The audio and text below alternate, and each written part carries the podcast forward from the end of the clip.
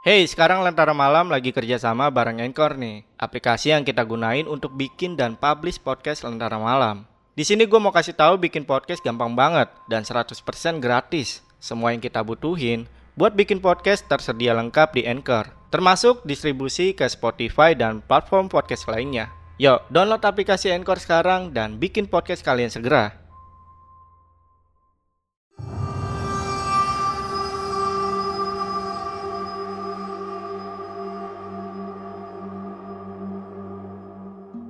Sampai ngekos di situ ya mas? Iya. Loh, di situ masih angker nggak sih mas? Dari toilet ini kan ada ventilasi ya mas. Iya. Kalau kita naik ke apa bak mandi, kita nengok sebelah itu ada satu makam di bawah. Kita nanya sebenarnya kenapa sih dengan kosan ini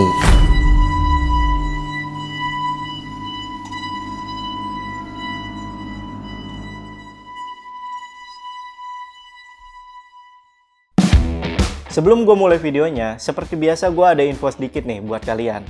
Jadi, beberapa hari yang lalu, gue baru dikirimin produk terbaru dari Scarlett, yaitu Glowtening Serum.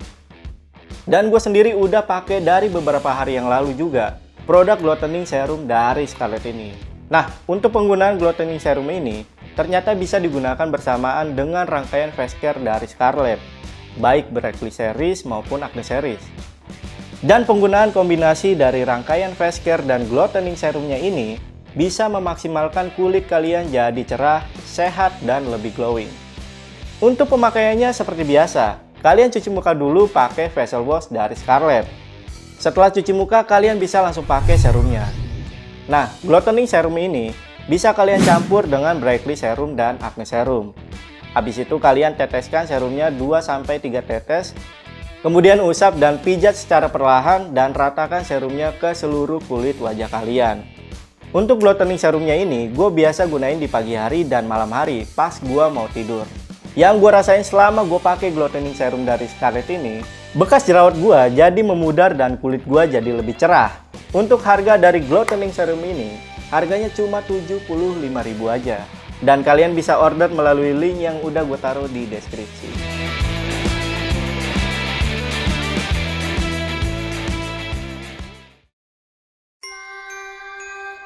Di part sebelumnya. Itu musola kalau kita sholat sendiri, kadang dia jadi makmum. Itu siapa di depan kamar? Kok ngintip-ngintip kamu itu? Belakangku tuh ada kelihatan lah di belakang kaki itu ada kain putih. Pocong bukan?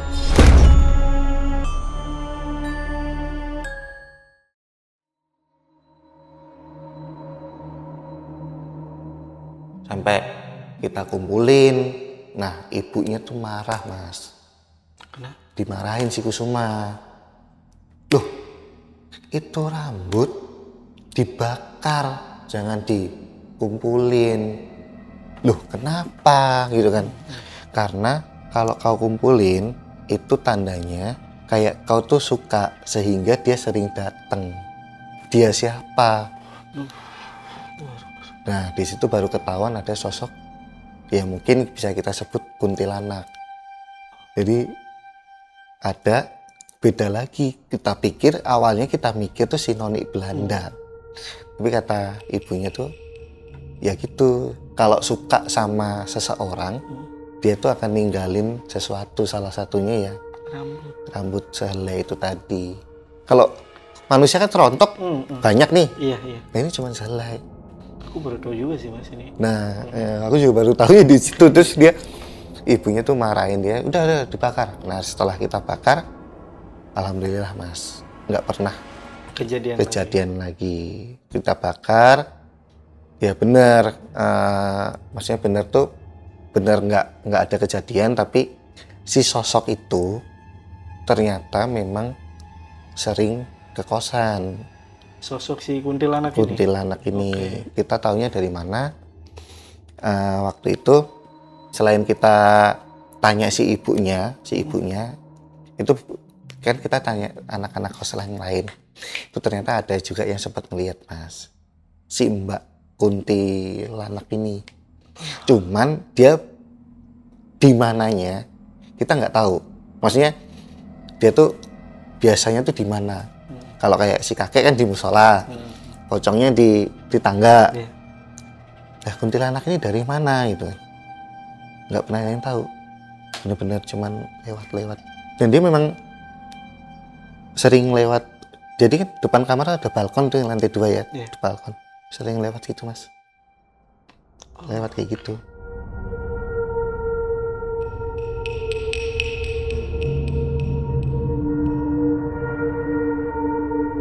Nah, untuk yang rambut ini ya, Mas ya, Mm-mm. yang ternyata itu adalah rambut Si dari kuntilanak, kuntilanak ya. ya. Kuntilanak. Itu eh, teman yang lain juga pernah ada yang nemuin juga nggak, Mas? Pernah mas. Pernah.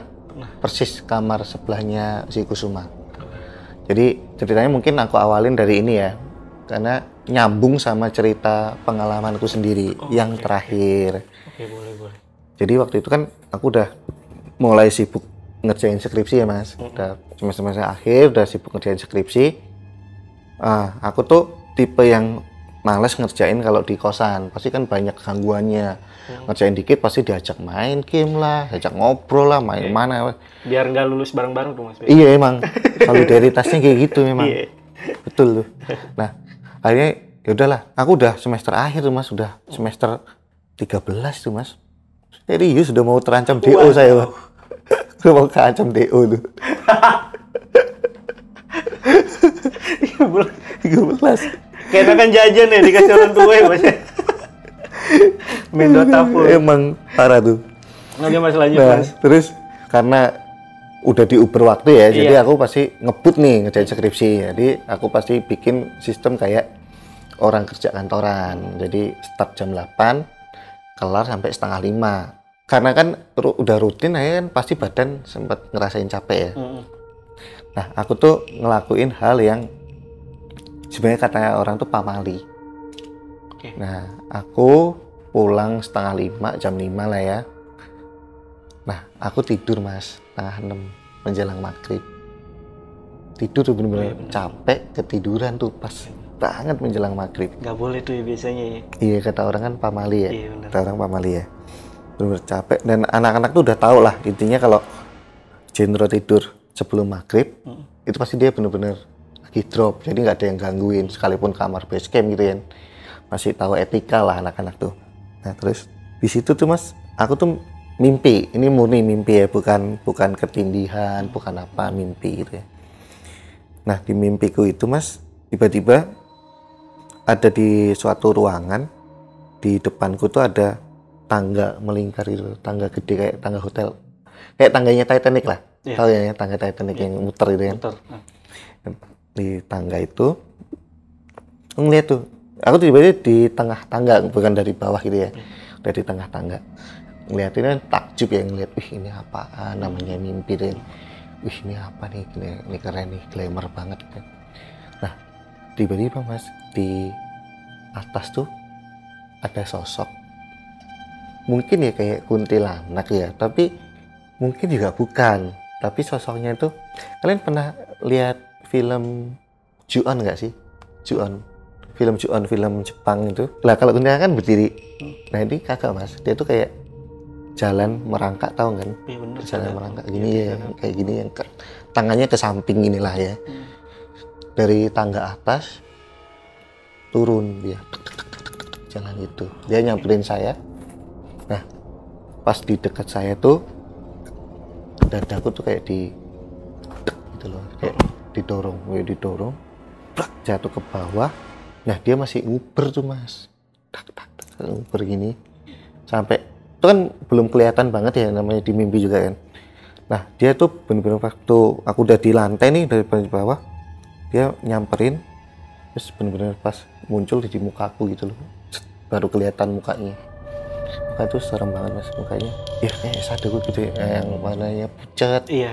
serem gitu dia kayak mau nerekam gitu gitu kan kayak, gitu. Aku bener-bener kaget kan. Tapi di situ lucu maksudnya habis serem tuh ada lucunya. Ada yang bantuin saya. Oh, gitu. di mimpi itu ada yang bantuin. Jadi Siapa tuh mas? si sadakonya tuh kayak diambil dilempar gitu mas. Wih ada yang bantuin terus aku lihat terus dibantuin Bangun. bangun dibantuin bangun. Aku lihat yang bantuin Bradley Cooper. Serius? Nggak jelas banget kan Bradley Cooper. Cerita apa sih mas? nggak tahu aku.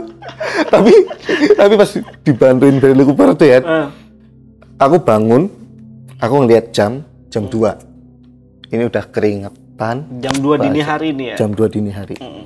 dari maghrib jadi setengah enam yang plus setengah enam sampai jam 2 Ini pamalinya kelewatan nih mas. ih banget. Iya. banget. Terus pas jam 2 oh itu kan masih takut ya mas? Iya. kan lampu juga belum nyala. Lampu belum nyala karena kan tidurnya masih sore kan? Hmm. lampu kamar belum nyala. Ini waduh aku takut nyalain handphone kan? Aduh jam 2 nih. Tuh keringetan aku masih nenangin diri kan? Nenangin diri nyalain lampu. Nah sayup-sayup tuh aku dengar suara anak-anak nih. Wih untunglah anak-anak masih pada bangun. Karena nggak berani langsung balik tidur mas. Mm, ya pasti takut lah sekalipun dibantuin Bradley Cooper ya. Cuman cuman takut sih takut serius takut banget. Iya, itu bukan motivasi itu ya. iya. Bukan sama dia ini ya. kenapa gitu kan aku tuh? Iya, iya. kenapa gitu? Ya udah karena dengar suara anak-anak ya udahlah aku ambil rokok turun ke bawah ke kamarnya si Wawa nah anak-anak tuh lagi ngumpul di kamar Wawa. Bahwa Wawa tuh ilustrator anak graphic designer itulah ya. Ilustrator. Nah pada ngumpul di situ cerita-cerita. Di situ ada Kusuma ada Wawa ada Hasmil dan ada satu lagi namanya Aji sama Sunu lah. Nah di situ aku nyamperin. Si Wawa tuh nanya wih Mas Jen ngapain Mas? Tumben bangun gitu kan iya kan aku tidur ini. Iya si Hasmil nimpalin kan dia. Kok kamu itu Mas? Pakai bahasa Jawa ya. Tidur maghrib gitu kan. Gak baik tahu ini. Eh iya luris aku bilang gitu. Aku kalian tahu gak sih aku kebangun kenapa nah aku ceritain tuh mimpiku tadi. Dia berasa serem nih tapi ya pasti ngakak dong waktu ditolongin Iya. Bradley Cooper tuh ya. Pada ngakak. Nah di situ mas akhirnya kebuka cerita anak-anak nih. Jadi persis itu kan kejadian persis setelah kita ngumpulin si rambut tadi ya. Mm, mm. persis ceritanya. Nah. itu baru ketahuan tuh kayak si Sunu ada tuh namanya Sunu dia kamar sebelah Wawa. Pernah dia malam-malam mau kencing kan kamar mandi di luar semua kan toilet di kamar luar semua. Dia malam-malam pas mau ke toilet mau kencing tuh mungkin ya sosoknya tuh kalau kita deskripsiin tuh kayak gendruwo dia ngelihat kayak gendruwo itu deskripsinya sih gede tinggi hitam semua matanya merah itu ada di parkiran motor itu si Sunu yang lihat. Sunu. terus si Wawa tuh si Wawa tuh pernah cerita kalau dia ngelihat ada di jadi kan setel sebelah ruang bersama parkiran di sini tuh ruang cuci-cuci. Terus di sini ada tempat biasanya anak-anak main futsal itu ada pohon mangganya mas. Nah si Wawa tuh ngelihat something di situ tapi dia tuh nggak tahu apaan itu intinya sesuatu. Nah di kosan itu mas kalau malam berisik itu bisa dipastiin pasti akan ada gangguan entah besoknya entah hari itu juga. Nah waktu itu kan kita hitungannya berisik ya. Mm. pas aku bangun aku bangun kan cerita ngakak-ngakak itu cerita anak-anak tuh aku oh kok ada cerita ini cerita ini cerita ini? Nah terus aku ceritain soal rambut tadi Rambut. tuh yang kita ngumpulin rambut. Kan ada aku ada Kusuma ada si Hasmil kan. Eh kalian tahu gak sih kita kemarin tuh nemu ini nemu rambut akhirnya kita kumpulin terus tapi karena ternyata malah kayak gini gini gini gak baik kan? Ya udah akhirnya kita bakar. Nah ada tuh satu anak namanya Aji. Aji itu sebelah kamarnya si Kusuma persis. Mm. toilet kamar Aji sama Kusuma anak yang lain terus baru kamarku kan. Nah si Aji ini kita tahu Aji ini anaknya anak yang lurus gitu mas. Anak yang polos yang lurus lah. Dia punya cewek tapi nggak memang nggak pernah diajak ke kamar. Dia selalu pacaran tuh ngobrol tuh di ruang bersama di TV atau di teras. Udah pasti gitulah dia. Nah si Aji ini ngomong wah serius mas? Iya di kamarku. Aku sama si Hasmil ngeliat sendiri Ci. Wih alhamdulillah mas. Aku ingat betul dia ngomong alhamdulillah mas aku nggak pernah ditunjukin nggak pernah disamperin. Dan aku nggak pernah ngalamin yang diceritain yang lain-lain gitu kan. Nah kan kata orang tuh mereka tuh nggak suka ya ditantang ya mas ya? Iya. ya kan katanya kan mereka nggak suka ditantang. Ya mungkin sekalipun itu Aji tuh bersyukur bersyukur. Tapi kan yang ditangkap oleh mereka kan kita nggak tahu juga ya kan? Nah Aji ngomong alhamdulillah mas aku nggak pernah kayak gitu aku ngomong sama anak-anak tuh langsung nimpalin kan. Wah jangan sombong gitu Ji kamu Ji. Hmm. ntar beneran disamperin kamu gini gini gini. kan ini pada udah pada ngalamin. Iya, dia si doang. Aji doang yang belum kan. Oh jangan gitu Ci nah bener mas. Itu kan kayaknya kita sampai menjelang subuh ya. Hmm. nah bener tuh mas. Paginya Aji itu kan anak yang memang rajin ya sholat subuh pasti sholat subuh pasti iya. bangun gitu kan. Memang anak lulus banget dia itu pas aku berangkat mau ke kampus tuh setengah delapan jadi tidur cuman bentar kan sampai subuh terus setengah delapan aku ke kampus mau konsul Aji lagi nyapu dia langsung manggil aku Masin, Masin, Masin apa sih? Mas beneran nih mas aku disamperin mas. Beneran ada rambut panjang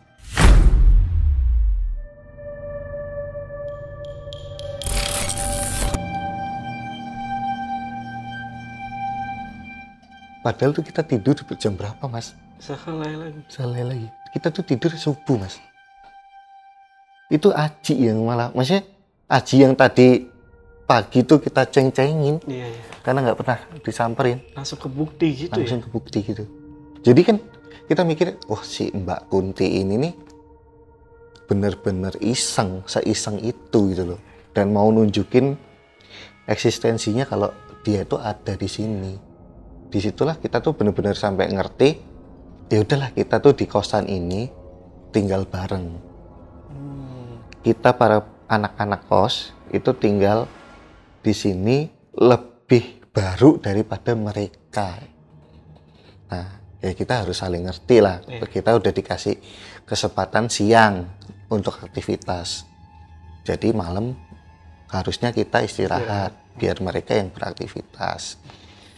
Oh gitu. Nah balik lagi tuh mas dari situ persis dengan cerita yang ibunya Kusuma. Jadi setelah Kusuma nelpon ibunya disuruh bakar rambut, Mm-mm. kita kan nanya sebenarnya kenapa sih dengan kosan ini gitu kan? Iya. Kenapa sih? Kan biasanya kalau kayak rumah gitu kan cuman satu, cuman Iya. dua. Ini kok bertubi-tubi. Jadi Banyak seperti yang kita ya. tahu eh, kakek yang di musola, noni Belanda, pocong yang di tangga, gendruwo yang di parkiran, kuntilanak yang suka keliling, Iya. sama yang nggak ngerti wujudnya apa di pohon mangga. Terus sama yang di katanya ada di ruang TV lah. Terus sama yang aku alamin yang makhluk-makhluk kecil itu kan ya. Kita tanya tuh eh, si Kusuma sih Kusuma nanya ke ibunya, kenapa sih sama kosan ini? "Eh, ini le, nah, coba kosan itu dilihat belakangnya kosan itu ada apa gitu loh. Kenapa kok ada apa? Gitu ada makam apa bukan? Oh enggak kok bu, lah makam nggak ada itu. Cuman memang ada satu makam. Ini nggak aku tulis di situ ya. Oh, di tweetnya. Mas. Aku tulis. Aku Hendro juga ya? karena baru inget, Iya, iya. baru inget pas kemarin cerita-cerita itu.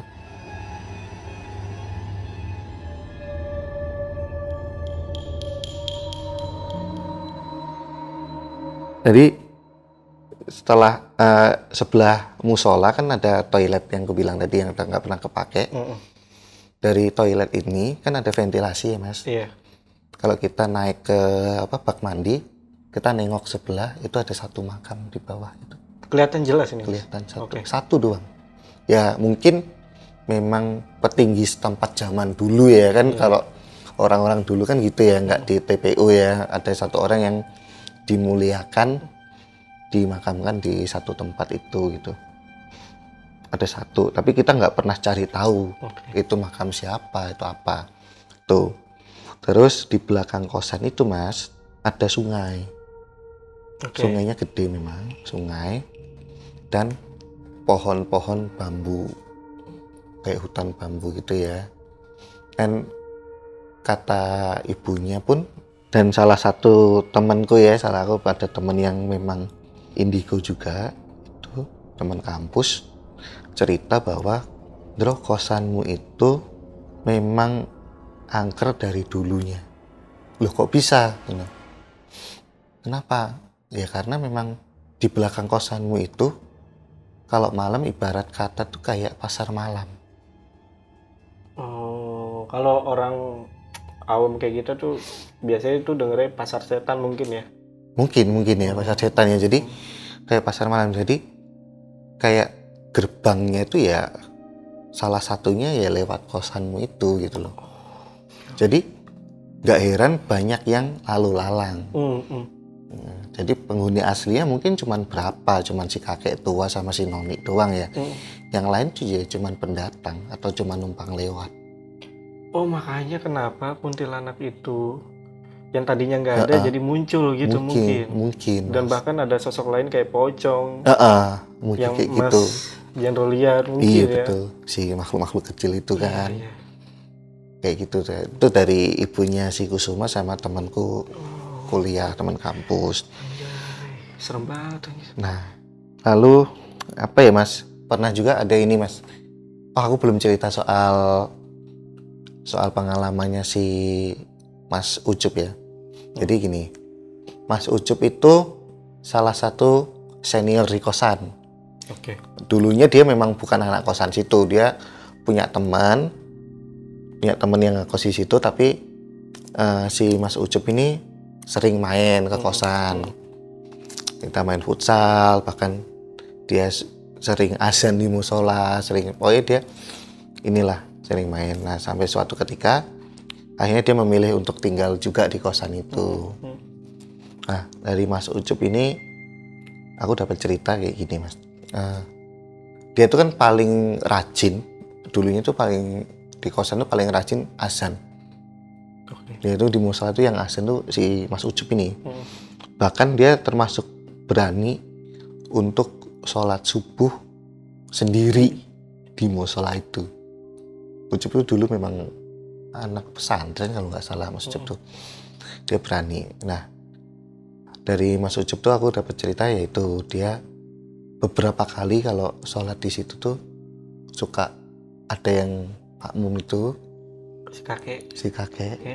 kakek itu aku sempat tanya juga tapi si kakek itu memang nggak ada niat jelek kayak si kuntilanak tadi tuh yang suka iseng narok-narok gitu kayak gendruwo yang nunjukin diri nyeremin. Ya wujudnya kakek kayak jadi di ujung ini pintu masuk kan musolanya agak serong gini ya mas. Hmm. di ujung sini tuh ada satu sudut yang lembab memang. Oke. nggak tahu kenapa dia doang yang lumutan. Di situ tuh lembat jadi si kakek itu ucup ngeliat di situ Hey, sekarang Lentera Malam lagi kerjasama bareng Anchor nih, aplikasi yang kita gunain untuk bikin dan publish podcast Lentera Malam. Di sini gue mau kasih tahu bikin podcast gampang banget dan 100% gratis. Semua yang kita butuhin buat bikin podcast tersedia lengkap di Anchor, termasuk distribusi ke Spotify dan platform podcast lainnya. Yuk, download aplikasi Anchor sekarang dan bikin podcast kalian segera. Itu cerita awalnya gimana tuh, Mas? itu cerita awalnya tuh jadi ya mas ucup biasa mas. Sholat seperti biasa. Sholat seperti biasa. Pas ruku tuh ngeliat di sama di ekor mata gitu ya. Itu siapa? Orang. Kalau ada makmum kalau di Islam kan kalau ada makmum susulan atau makmum masbuk itu kan harus nepok Iya. pundak ya supaya tahu kalau oh aku sedang jadi imam. Nah itu nggak ada yang nepok. Nggak ada yang gini nggak ada yang giniin waktu dia ruku ngeliat tuh siapa? Oh ya udah ini sholat biasa. Pas sujud bener-bener pas sujud kan bener-bener kelihatan ini ya mas? Iya. pas sujud tuh dia kelihatan ada orang di sampingnya. Lagi kayak gitu, sholat. lagi sholat. Nah itu selain dari Mas Ucup cerita itu juga aku dapat dari temenku yang kuliah di Jakarta. Waktu itu main ke Malang ke kosan. Dia juga nggak pernah aku ceritain soal seremnya kosan ya. Dia juga sholat. Ya namanya kok ada musola gede luas. Ya normalnya sholat di situ gitu kan. Itu gimana tuh kejadiannya? sama persis kejadiannya. Dia juga ngelihat ini mas apa masuk tuh kan dia juga ada sedikit keturunan gitu ya. Iya. cuman dia memang nggak bisa ngontrol. Hmm. memang nggak bisa ngontrol waktu dia masuk tuh. Kok musola ini dingin sejuk tapi nggak bikin nyaman? Ngerti nggak sih? Oh, apa ya kita ng- ngomongnya apa ya? Eh, ah anyep ya anyep bener. anyep benar benar anyep. Ya kayak gitu dia ngerasanya kosan ini eh apa musola ini enak sejuk tapi dingin banget anyep gitu nggak nggak nyaman. Kalau bahkan untuk kita eh, zikir atau mungkin ngaji di situ tuh ya mending dekat-dekat pintu keluar. Ah, nggak mau agak jauh gitu loh ini pintu keluar ya mungkin di dekat-dekat sini. Kita nggak mau yang agak sono-sonoan. Ini di sini tuh nuansanya tuh anyep gitu mas. Nah temanku juga ngerasain kayak gitu. Nah dari itu semua kita tahu dari siapa ibunya Kusuma tadi Mm-mm. dari si Ucup ada kakek-kakek di situ dan seperti yang ku ceritain di awal kita sering banget ganti lampu tapi ya udah Oh. sering banget mati Oke, nah itu dari semua kejadian Mm-mm. yang pernah Mas Jendro dengar ataupun ngalamin Alamin, ya. heeh. Mas Jendro ini pernah nge-cross check juga gak sih Eh, tentang cerita-cerita yang Mas Jendro dengar ataupun yang Iya. dialami? Heeh. Pernah mas. Jadi pernah tuh kejadian gini. Jadi sebelum cerita-cerita itu banyak gitu ya. Mm-mm. Waktu itu tuh aku pernah beli online. Waktu itu kan belum ada e-commerce ya. Iya iya. Belum terlalu booming lah masih awal-awal tuh. Kita sering aku tuh beli eh, pakai FJB. FJB Kaskus. Kaskas, oke. Ya, Kaskus. Kaskas. ya itu. Nah, waktu itu kan gini. Kosanku itu kan angka Mm-mm. jalan kan udah disebut tuh jalan MT Haryono Mm-mm. terus angka Oke. terus belakangnya itu ada abjadnya tuh kayak A B C Oh, gitu kan oke, ada oke. angkanya Ini orang-orang Malang kalau udah dikasih tahu gitu tuh harusnya tahu deh. harusnya tahu ya harusnya tahu Udah dikasih kode-kode itu ya. Mas ya. angka terus huruf abjad nah huruf abjadnya itu kebetulan B B. B Oke. B ya B abjad B nah kosanku alamatnya MT Haryono Nanana B gitu kan Oke. Nah, aku sempat curiga itu gini. Waktu aku order paket, kalau belum ada e-commerce masih pakai FJB itu kan pasti sering kali nulis tangan ya, Iya, seller-seller tuh. Kalau tulisan tangan ya, ya kalau bagus syukur-syukur, kalau jelek kan Nyasar. nyasar. Iya. Nah, ini paket kok kagak nyampe-nyampe. Mm. Waktu itu aku tracking di apa nomor resi, di nomor resi itu udah nyampe mas, tapi paketku nggak ada. Duh, gimana sih kan gitu kan? Wah aneh nih aku ke apa kurir kantor kurirnya, udah mas sudah dikirim gitu, udah ada yang nerima. Loh, aku sempat mikirnya gini, ah logika aja, paling nyasar nih. Benar, waktu apa ya kira-kira nah dari B itu aku lihat ini kalau tulisannya jelek nih pasti mikirnya 8 nih belakangnya Iya. 8 Mungkin kesenggol tuh ya. jadi Nah. delapan tuh ya. waktu itu aku cari tuh mas alamat hari set ketemu alhamdulillah di Jalan MT Haryono tuh dia toko kelontong Hmm. toko kelontong terus ibunya aku tanya bu bisa bu ada paket nyasar nggak bu ke sini bu atas nama ini? Atas nama Jendro oh iya mas. Ada. Tadi ada kurir ke sini ngantar paket. Ini kosan kastil di mana mas? Gitu kan. Kosan kastil. Oh itu loh bu yang sebelah ini sebelah pabrik ini ya waktu itu kan. Oh sampean ngekos di situ ya mas? "Ah, iya. Loh di situ masih angker nggak sih mas pikirku ya pertanyaan macam apa Iya. ini gitu kan. Lah aku tuh nggak ngomong apa-apa dia kok ngomong kayak gitu gitu kan. "Ah, alhamdulillah udah enggak sih bu udah udah biasa lah gitu. Itu pertama. Terus yang kedua yang kedua tuh ada kita punya warteg langganan mas. Hmm, warteg langganan. Kita kalau makan tuh segerombolan lah ke situ gitu ya segerombolan "Ah, makan situ cuy di situ Terus tanya tuh sama ibu wartegnya. Wah ini rame nih.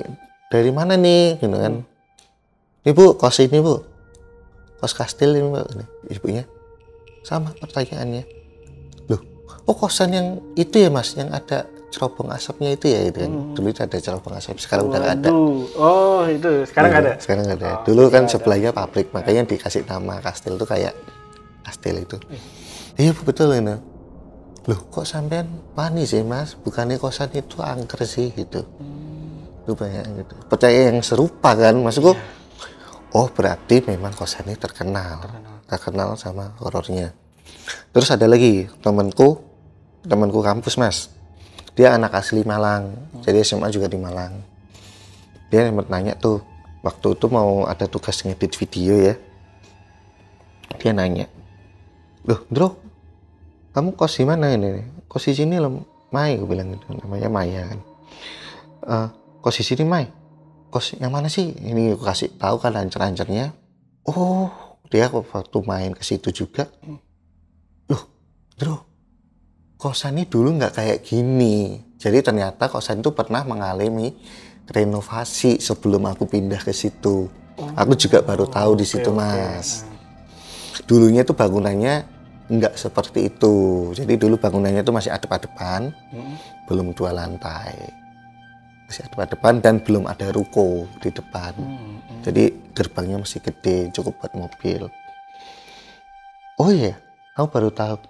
Dulu temanku SMA ngekos di sini. Dan katanya sih horor, Angker. angker. Nah, berarti kan udah ada tiga orang yang ngomong hal yang sama nih. Oh begitu ya. Oh iya sih, memang. Ya ada lah ini cuma ngomong gitu doang ada lah. Nggak nggak nggak keterlaluan aku bilang gitu.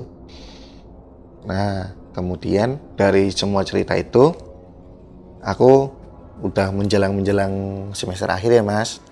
Kebetulan kenal sama satu anak eh, juniorku juga di kampus. Tapi kebetulan dia tuh adik ipar dari temenku Oke. Oke, namanya De Ayang.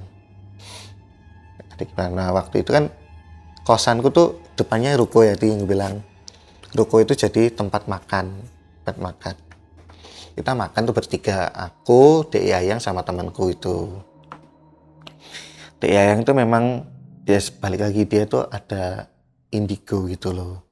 Dia malah bener-bener bisa ngontrol, maksudnya dia pengen lihat atau nggak pengen lihat udah bisa kayak gitu. Oke, Memang oke.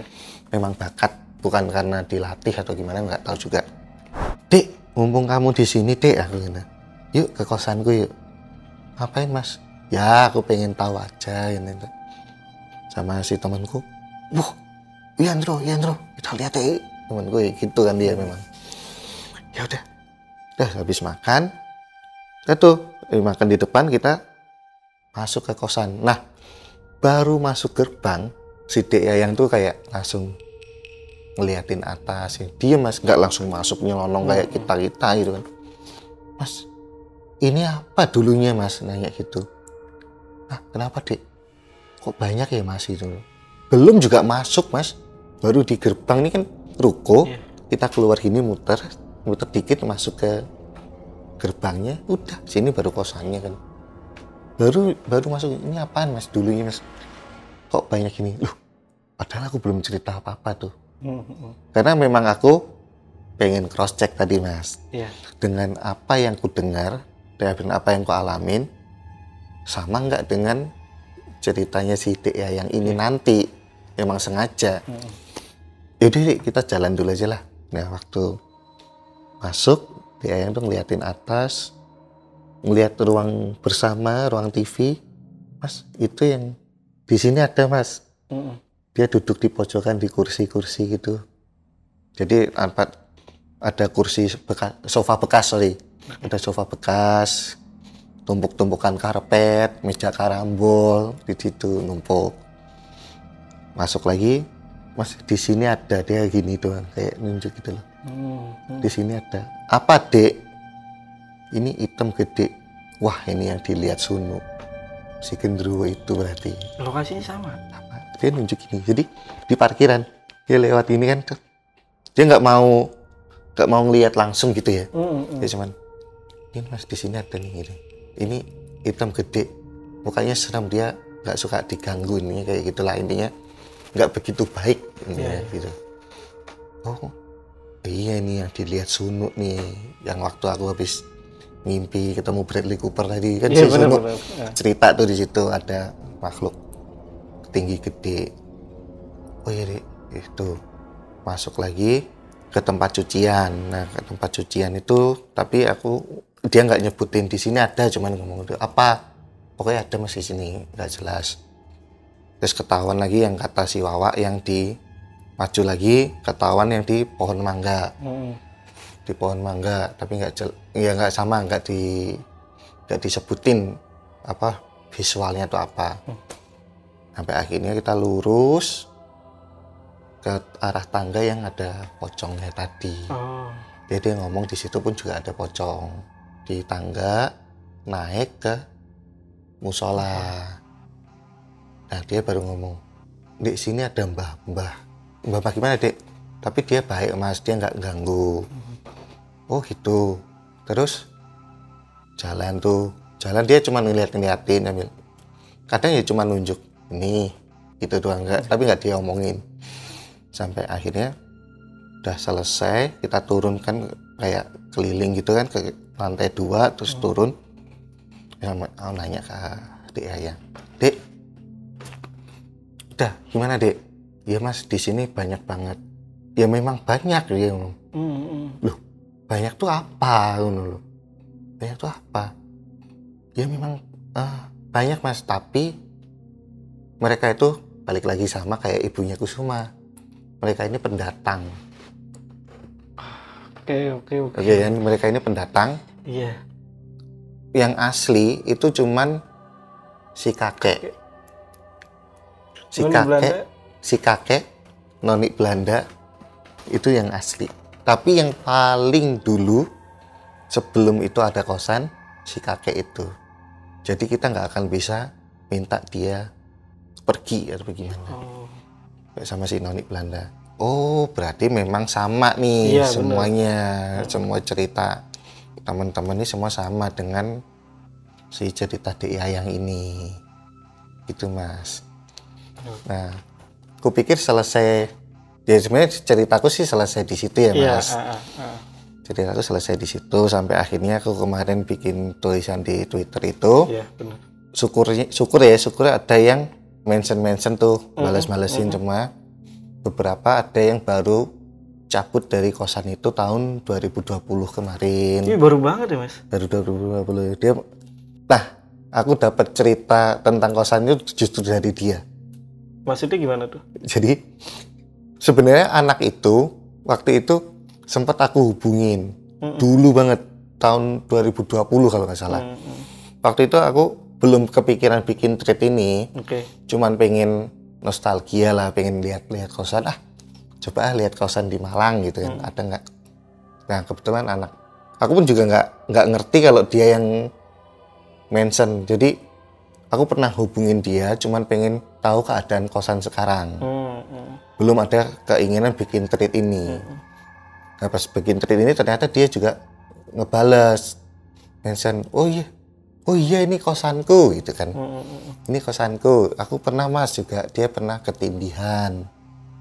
Dia cerita di situ awal-awal dia ketindihan. Oh gitu ya? Nah aku kan pengen DM dia kan. Pengen DM dia waktu aku klik DM loh kok ada bekas DM ku gitu kan. Ah, ah.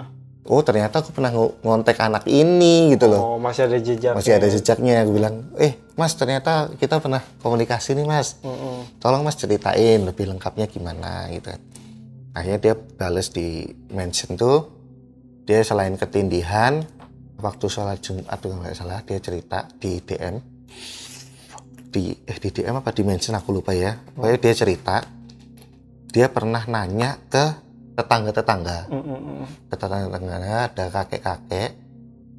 Dia nanya eh, tahu nggak soal ngobrol-ngobrol soal kosan kastil ini? Gitu kan. Oh, kamu tinggal di situ? Iya oke. Ya itu dulunya tuh memang yang punya tuh orang Belanda. Dari tahun 70-an Oke. eh sorry punya orang Belanda dari tahun 70-an dijual ke orang Arab Oke, antar negara ini ya. Oke. Iya, orang yang punya orang Belanda Iya. bangun dijual ke orang Arab dijadiin kosan. Nah orang Arab tadi itu kalau nggak salah dijual lagi ke orang Arab yang sekarang ini yang Oh. dari mas aku sekarang. Dari situ kan aku mikir ya jadi oh berarti memang ada kaitannya nih si nonik Belanda sama yang punya dulu entah nonik Belanda ini siapanya Hmm, atau si kan kita mau telusurin kan sulit ya. Sulit, sulit itu. sulit kan? Oh berarti memang ada kaitannya ya.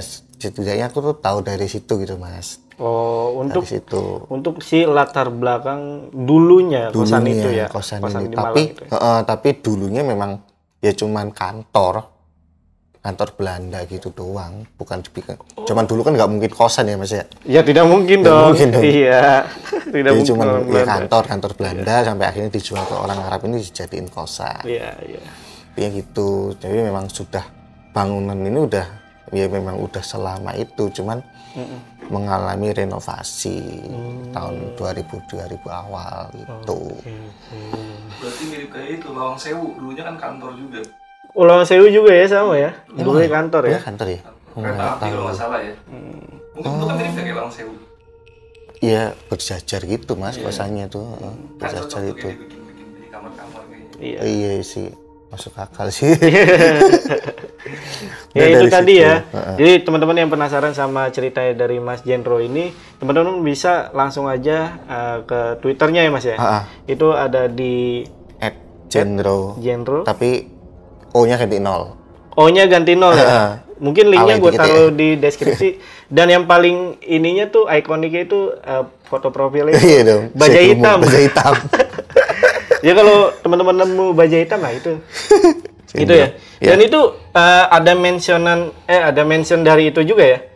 Dari yang tadi Ah, alhamdulillah sih kemarin banyak mas yang mention ya. Hmm, Dan mungkin aku ingetin lagi ya. Jadi beberapa kali tuh aku ngomong di Twitter itu ngomong bagi yang tahu tolong jangan dikasih Iya. tahu Ah, nama tempatnya. Ah, ah. Karena kosan ini masih aktif, masih aktif ya. masih beroperasi sampai sekarang.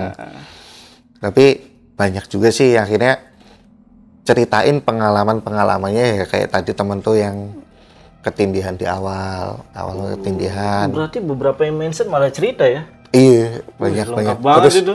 ada juga yang ngalamin juga mas sholat di situ. Bener Ada deh. sama, ada ngelihat si kakek. Dia nyoba sholat gitu. Apa? Nyoba sholat apa gimana? Nyoba sholatin kakek maksud lu? Maksudnya sholat di tempat Oh. itu. Iya tapi udah beda generasi mas. Ini anak yang Baru masih kuliah, eh masih ngekos di situ. Kirain orang tweet twitternya lewat Enggak, enggak. dia di situ nyobain. Dia iseng banget anjir. Dia bener-bener ini mas apa di di mention itu dia ngomong lah ini kan yang ku alamin gitu bener-bener kayak ngomong sendiri dia sama hmm, hmm, hmm, di situ banyak ada beberapa juga yang ya yang di musola itu ngeliat hmm, hmm. terus yang ketindihan itu Hmm. ada juga yang malah yang nggak pernah aku alami yang teman-teman alamin Hmm. yang di ruang bersama itu Oke. kalau di ruang bersama itu kayak kalau kita nonton TV gini Hmm. kan sofa bekas sama tumpuk-tumpukan karpet tuh Hmm. di belakang itu kadang tuh ada di belakang kita gitu Oh, gitu. gitu Kayak Kadang- ngikutin gitu. kan mantul ya mas dari kaca kan Oh, oke. jadi ini TV nah situ kan ini kan kaca itu kadang kelihatan ada berasa kayak gitu Ya, jadi buat kalian nih yang penasaran lagi nih sama cerita-cerita tentang kosan di Malang ini yang udah Mas Jenro tulis, Kalian bisa langsung aja ke Twitternya Mas Jendro. Untuk linknya gue taruh di deskripsi. Tapi gue ada satu pertanyaan terakhir dari gue Mas sebelum gue menutup nih. Lulusnya jadinya semester berapa? 14 iya, iya. 14 15 ya. Wah, ujung kan- tanduk tuh ya. Ya namanya dikasih waktu segitu ya maksimalin lah ya mas Iya bener. Tuh tiba-tiba tuh waktu, jadi ya. giat tuh. Kayak gitu, asik banget. dikasih waktu 14 semester nih sama universitas kan ya masa kita cuma pakai 7 Maksimal sekali ya ente. maksimal kan maksudnya Iya kan? Mantap. Dikasih Filosofi yang 14, bagus itu. iya kan. kasih 14 semester wah masa sih cuma 8 gitu kan bisa cuy gitu kan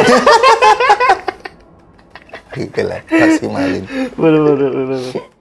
Jadi pengalaman itu lebih banyak tuh ya. iya lah mas namanya juga Sama malunya juga ilmu. lebih banyak malunya. Jadi koboi kampus. Kamu kampus aja. itu dia ada guyonan tuh mas Apa tuh? dari yang kalau kita jalan semua nyapa Iya. sampai gak ada yang nyapa Kamu gak ada yang kenal lagi. Iya. Mungkin untuk uh, video kali ini cukup ya. Oke. Mas Jendro sekali lagi terima kasih Mas. ya makasih banyak ya Eh, mas tapi ya sosial media lain lain ada gak? Kayak Instagram? ya cuman IG doang Bang. IG apa tuh boleh tuh? sama at Jendro juga Jendro. Itu Jendro pakai nol Satria Baja Hitam juga. kagak sih kalau foto Enggak. lah kalau Oh, IG foto-foto bener ya kalau IG foto bener Ya udah. eh, sekali lagi thank you untuk Mas Jendro ya dan thank you banyak mas waktunya makasih juga untuk Scarlett untuk dukan untuk video ini. Ya udah gue Jamal, saya Jendro Mas Jendro, Lentera Malam pamit. Bye.